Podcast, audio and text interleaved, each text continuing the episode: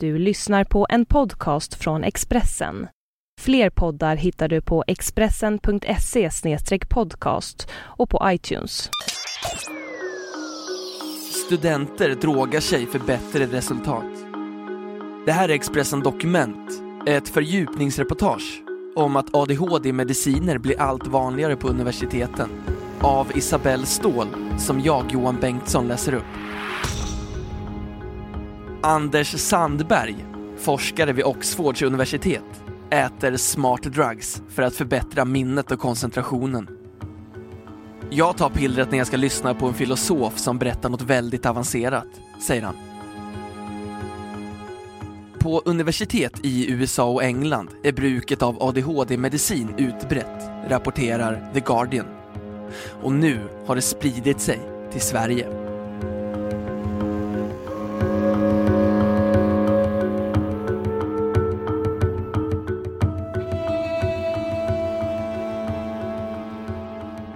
Det började med att en kompis på universitetet frågade om hon ville prova en tablett. Den 26-åriga studenten berättar. Det var ingen partydrog direkt. När vi tagit tabletten blev jag mer fokuserad. Vi pratade mindre med varann och jobbade mer, säger studenten som vill vara anonym. Tabletten var av typen Medikinet, ett amfetaminliknande receptbelagt läkemedel mot ADHD som ökar koncentrationsförmågan. Först tvekade hon. Det kändes lite obehagligt, men samtidigt såg hon pillret som en väg ut ur prestationsångesten. En undersökning i den amerikanska tidskriften Nature, som främst vänder sig till högt uppsatta akademiker, visar att en femtedel av de 1400 läsare som svarade hade använt kognitionsförbättrande preparat som Ritalin trots att de var fullt friska. I USA har amfetaminliknande läkemedel börjat skrivas ut även till fullt friska personer som vill prestera bättre på jobbet, enligt Anders Sandberg. På universiteten är användandet utbrett bland studenter som vill orka med betygshetsen och samtidigt underhålla sitt sociala liv. Där kallas pillren för smart drugs. 60-talets droger skulle förändra medvetandet och livet snarare än att få oss att arbeta mer. Kognitionsförbättrarna erbjuder ingen verklighetsflykt. Snarare gör de oss extremt samhällstillvända, säger Anders e. Sandberg. I tidningen The Times berättar han om sitt bruk av modafinil, ett preparat som används mot narkolepsi. Ingen av hans forskarkollegor höjde på ögonbrynen eftersom flera av dem tar smart drugs. Anders Sandberg tror att preparaten kommer att anses legitima om ett par generationer. Om den svenska mentaliteten inte förmildras kommer vi få hård konkurrens av länder som Kina, där bruket är mer utbrett, menar han. Det har utförts experiment i simulatorer där kirurger fått ta preparaten och presterat märkbart bättre. Vem skulle man vilja bli opererad av? Kirurg A som tagit preparatet eller kirurg B som inte tagit det och presterar sämre? Frågar sig Anders Sandberg. För den 26-åriga studenten blev tabletten en tröst. Jag hade varit så orolig hela tiden, över framtiden, betygen och ekonomin. När man studerar kan man aldrig vara sjukskriven. Man har ingen ekonomi och allting är upp till en själv. Plötsligt kunde jag läsa och skriva i flera timmar utan att oroa mig, säger hon. I dagstidningen Östran bekräftar psykiatrikern Olle Holletz att det finns en svart marknad för ADHD-medicin i Sverige. Enligt Statens kriminaltekniska laboratorium har polisens beslag av det centralstimulerande medlet metylfenidat, som används i ADHD-mediciner, ökat från 9 till 315 på 10 år. Lennart Karlsson på Citypolisens spaningsrotel i Stockholm menar att det förekommer en svart marknad med personer som får läkemedlen utskrivna och säljer dem vidare. Utifrån min egen begränsade uppfattning kan jag säga att profiler på människor som använder droger har förändrats ganska ordentligt de senaste 10-15 åren.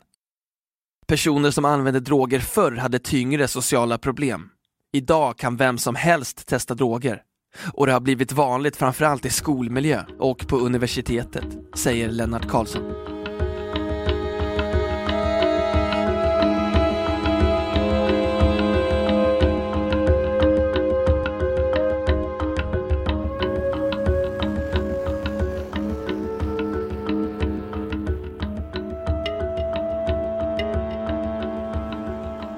En 33-årig man som arbetar som översättare berättar att han får pillren av en vän med ADHD.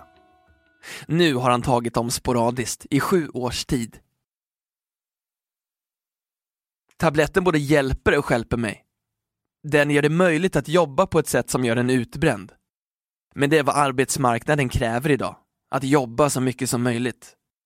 När man gav amfetaminliknande preparat på 50-talet kunde människor plötsligt utföra repetitiva sysslor längre utan att bli så less på dem, säger 33-åringen, som vill vara anonym. Han menar att det krävs disciplin för att man inte ska ta för mycket eller för ofta, vilket alla kanske inte har. Själv håller han sig till kring fyra tabletter i månaden.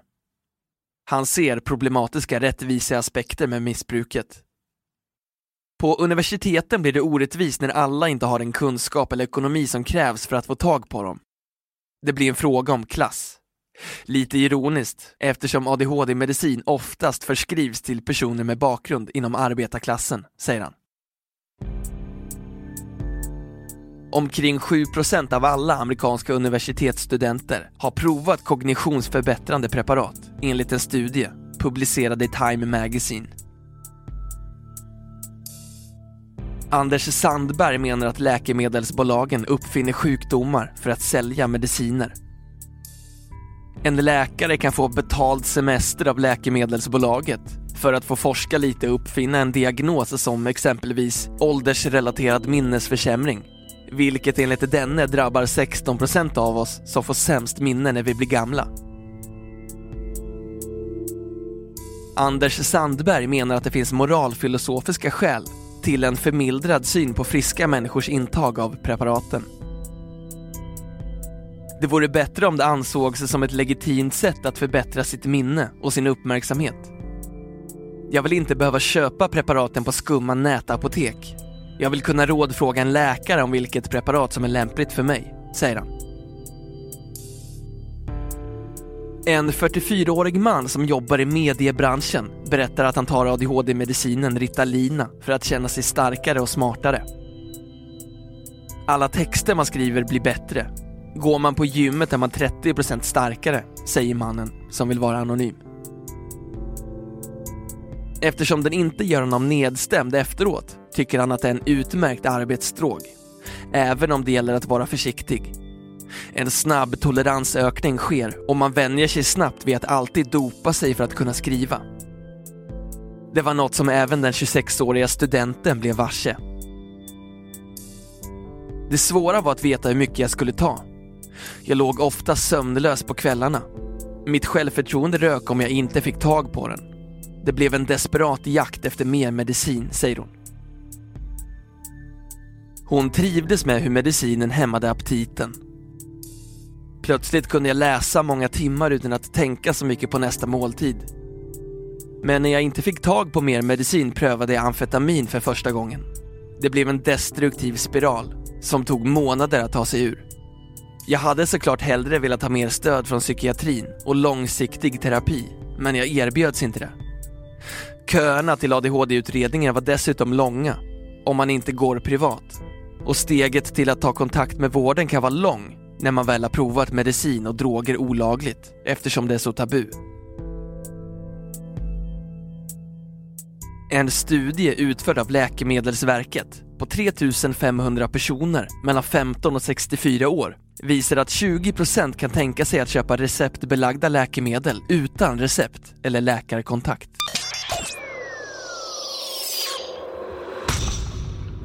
Du har hört Expressen Dokument ett fördjupningsreportage om att ADHD-mediciner blir allt vanligare på universiteten av Isabelle Ståhl som jag, Johan Bengtsson, har läst upp.